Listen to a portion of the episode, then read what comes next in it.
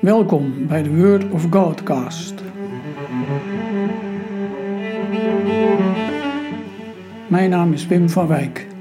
In deze podcast hoor je elke aflevering een meditatie over een Bijbeltekst, afsluitend met een kort gebed. Vandaag over de vraag naar de zin van het bestaan, naar aanleiding van Prediker 2. Prediker doet dwarse uitspraken. Zo'n woorden prikkelen je. Nee, ze zijn niet bedoeld om je vast te pinnen. Het gaat niet om goed of fout, om waar of onwaar. De woorden van prediker zijn bedoeld om je wijs te maken. Ik adviseer je om voor jezelf prediker 2 helemaal door te lezen. Wat geeft zin aan je leven? Prediker heeft van alles aangegrepen om te ontdekken wat een mens het beste doen kan in de korte tijd van zijn leven. Hij heeft geprobeerd zin te ontdekken. Wat zinvol is of zinloos is. Wat betekenis heeft en blijvend is. En misschien ook wel of je zin kunt ontvangen. We lezen in hoofdstuk 2, vers 1 tot 3. Ik zei tegen mezelf: Kom, laat ik proberen de genoegens van het leven te smaken en te genieten van het goede. Maar ook dat ontdekte ik is enkel leegte.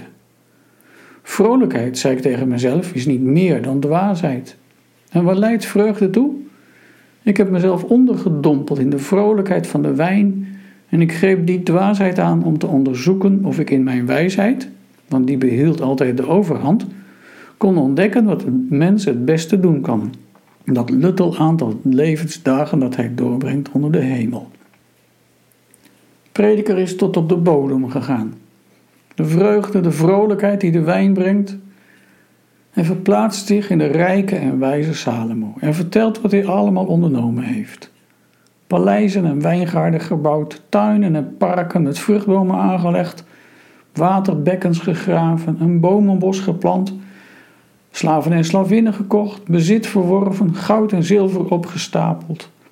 Allemaal grootse dingen en hij heeft ervan genoten. Alles wat mijn ogen vroegen, heb ik ze vergund. Elke vreugde die mijn hart verlangde, heb ik het gegeven. En ik genoot naar hartelust van al het goede dat ik had verworven. En nee, er komt geen moralistisch vingertje in de trant van kijk uit, kijk uit. Want daar gaat het niet om. Het gaat om de vraag: heeft het zin gegeven? Heeft het iets opgeleverd? Nee, het is niet waardeloos en ook het is niet zondig. Ergens is het best zinnig, maar het schiet tekort om een echt vervuld leven te hebben. In vers 11 staat: Ik nam het allemaal nog eens in ogenschouw, alles wat mijn moeizaam gezoeg me opgeleverd had, en ik zag in dat het allemaal maar lucht en najagen van wind was. Wordt alles je dan uit handen geslagen? krijgen we ook nog een alternatief aangereikt. Ik som heel kort drie punten op die ik in dit hoofdstuk, hoofdstuk 2, tegenkom. Het eerste is: besef dat het allemaal in Gods hand ligt. Ten tweede, aanvaard het leven zoals het is. En als derde, met wijsheid houd je het langer uit dan met dwaasheid. Leven onder de zon, zinvol leven, is leven onder vruchteloosheid. Maar ondertussen mag je genieten van wat God je geeft. Aanvaarden zoals het leven zich bij jou aandient. En leven vanuit de wijsheid van het woord.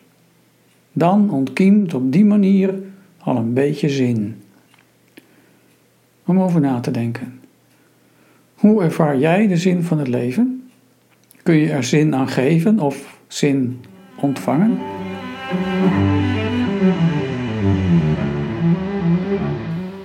Gebed. Heer onze God, leer ons te onderscheiden tussen wat echt zinvol maakt en wat niet. Vul ons hart en leven met uw aanwezigheid. Amen.